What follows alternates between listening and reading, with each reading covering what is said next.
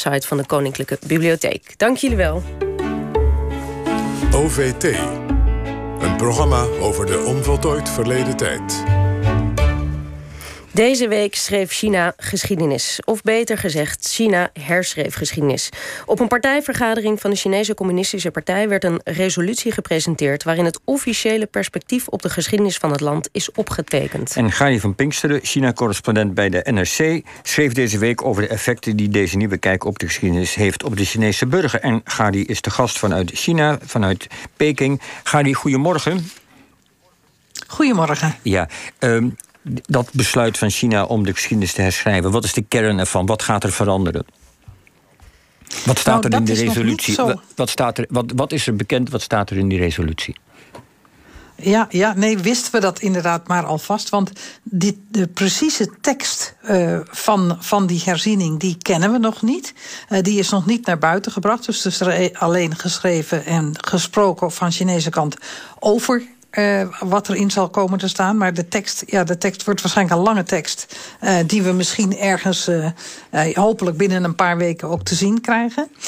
maar die gaat er vooral over om te stellen dat de communistische partij het eigenlijk in zijn 100-jarige geschiedenis heel erg goed heeft gedaan. Het is een beetje triomfalistische tekst.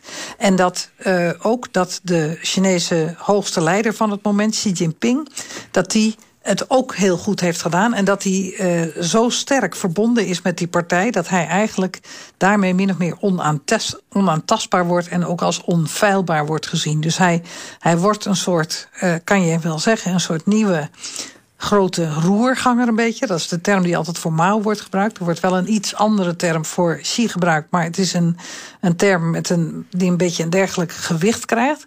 En het is dus ook een, een tekst die uh, ja, vooral uh, die gaat over het verleden, maar gericht is op de toekomst. En dat moet een toekomst worden uh, ja, waarin nog duidelijker wordt dat het partij en het volk één zijn. En dat uh, als het volk doet wat de partij um, verzint dat China dan een nog glorieuzer toekomst tegemoet gaat. Nou klinkt dit als iets wat we, uh, wat we al weten eigenlijk. Welke koers China opgaat. Wat, is, wat zijn de gevolgen hiervan? Wat, is het, wat, is, wat, is nou echt, wat gaat er echt veranderen? Nou ja, dat weten we dus ook nog niet precies. Uh, kijk, want er is wel natuurlijk inderdaad, daar heb je gelijk in, al langer een tendens uh, naar een meer absolute heers heerschappij van China, een meer abso absolute heerschappij van de partij. Kijk, één ding wat er waarschijnlijk wel concreet uh, aan vast zal zitten... is dat bij het echt grote partijcongres van volgend jaar...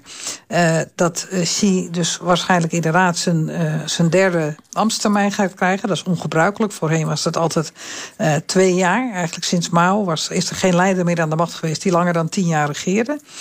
dus dat kan zijn. Dat, hij, dat is zeer waarschijnlijk dat hij dus nog een extra termijn krijgt... als als, uh, als, als secretaris van de partij. Er zijn zelfs mensen die speculeren dat hij misschien verheven zal worden tot partijvoorzitter. Nou, dat was in het verleden alleen Mao. Dus dat is een, een soort concreet politiek gevolg wat deze, wat deze um, notitie waarschijnlijk, vooral, waarschijnlijk zal hebben. Maar wat er verder heel concreet in de toekomst gebeurt... Dat, uh, dat zal zich ook nog een beetje moeten aftekenen. Maar de verwachting is dat het dus voor mensen steeds moeilijker wordt...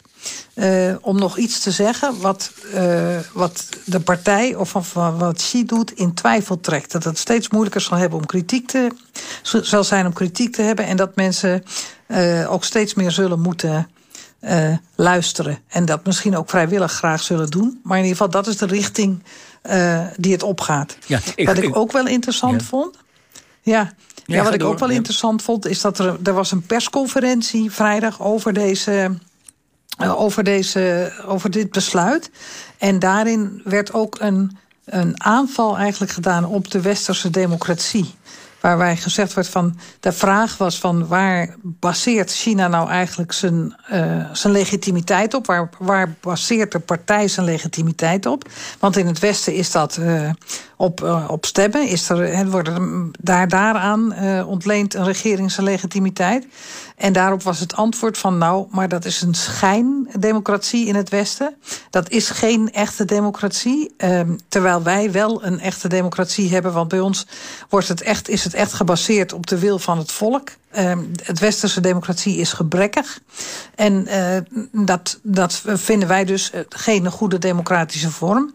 En daarmee lijkt het er ook een beetje naar alsof China ook zich internationaal nog dominanter zal gaan opstellen of nog meer zal gaan doen aan het promoten van het Chinese ontwikkelingsmodel en van ja.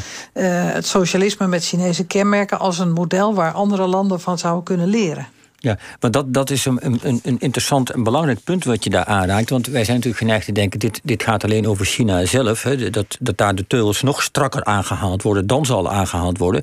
Maar tegelijkertijd is het ook, een, zeg jij, een soort model waar ze de wereld mee kunnen gaan veroveren in de niet-westerse wereld, als het ware. Begrijp ik dat goed? Uh, ik kon je niet heel erg goed verstaan. Nou, je is, dit, is, dit, is dit een model wat de, uh, dat model van één partij die de leiding neemt, een heldere, duidelijke leiding, is dat een, een model wat ook in, het, in de, West, in de niet-westerse wereld aantrekkelijk gevonden zou kunnen worden? Dat, dat, dat zou kunnen. Er zijn zeker een aantal een aantal landen die dat aantrekkelijk vinden. En, en die ook de, de helderheid van dat model en de, vooral de daadkracht van zo'n model aantrekkelijk vinden. Maar ik moet ook wel zeggen dat er ook in landen die dat oorspronkelijk een aantrekkelijk model vonden, er ook wel, als ze daar veel mee te maken krijgen.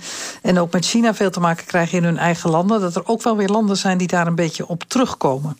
Maar het is in ieder geval zo dat van Chinese kant dat heel duidelijk de bedoeling is uh, of steeds duidelijker inderdaad het idee is van... jullie hoeven dat niet één op één over te nemen... want elk land is zelfstandig. Iedereen mag daar uh, zijn eigen beslissingen nemen... of moet dat zelfs ook doen. Maar uh, je kunt toch wel zien bij ons dat dit heel erg goed gaat... en dat het in ieder geval onverstandig zou zijn voor landen om zich te veel te vereenzelvigen met het Westen of zich daarbij aan te sluiten.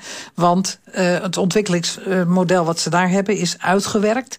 Uh, het Amerikaanse ontwikkelingsmodel is ook zeker uitgewerkt. Amerika is een cultuur die eigenlijk um, aan het teruglopen is, die op zijn, op zijn retour is. En wij zijn een cultuur en wij hebben een politiek systeem wat juist uh, nog steeds, steeds meer op geld doet. Het is wel moeilijk overigens om dat helemaal ook te geloven, omdat de Chinese economie op dit moment wel vrij veel problemen heeft en China ook op een bepaalde manier weer erg in zichzelf, um, in zichzelf aan het terugkruipen is en in zichzelf gekeerd aan het raken is. In je artikels beschrijf je ook, om nog even de geschiedenis in te gaan uh, tot slot, is dat er een soort traditie is van dit soort historische resoluties. Uh, dit is de derde. En, en de eerste kwam van Mao in 1945, nog voordat hij aan de macht kwam in China, in 1949. Um, waarom bracht Mao zo'n resolutie uit? Wat was, wat was de urgentie toen? Nou, dat is wel heel, vond ik ook heel interessant. Want het lijkt alsof Mao dat deed uh, om eigenlijk vergelijkbare redenen waarom Xi Jinping dat nu doet.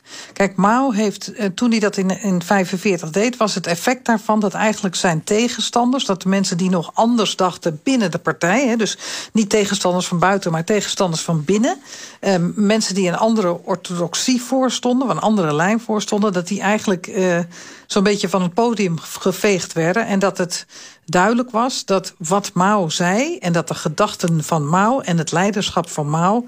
met deze resolutie voor de toekomst vooral vast zou staan. Dus dat, dat, dat hij onont, onontkoombaar de leiding werd... De, de hoogste leider werd van de communistische partij... en ook onontkoombaar de, de, hoogste, ja, zeg maar de hoogste leider zou worden... als China eenmaal bevrijd zou zijn.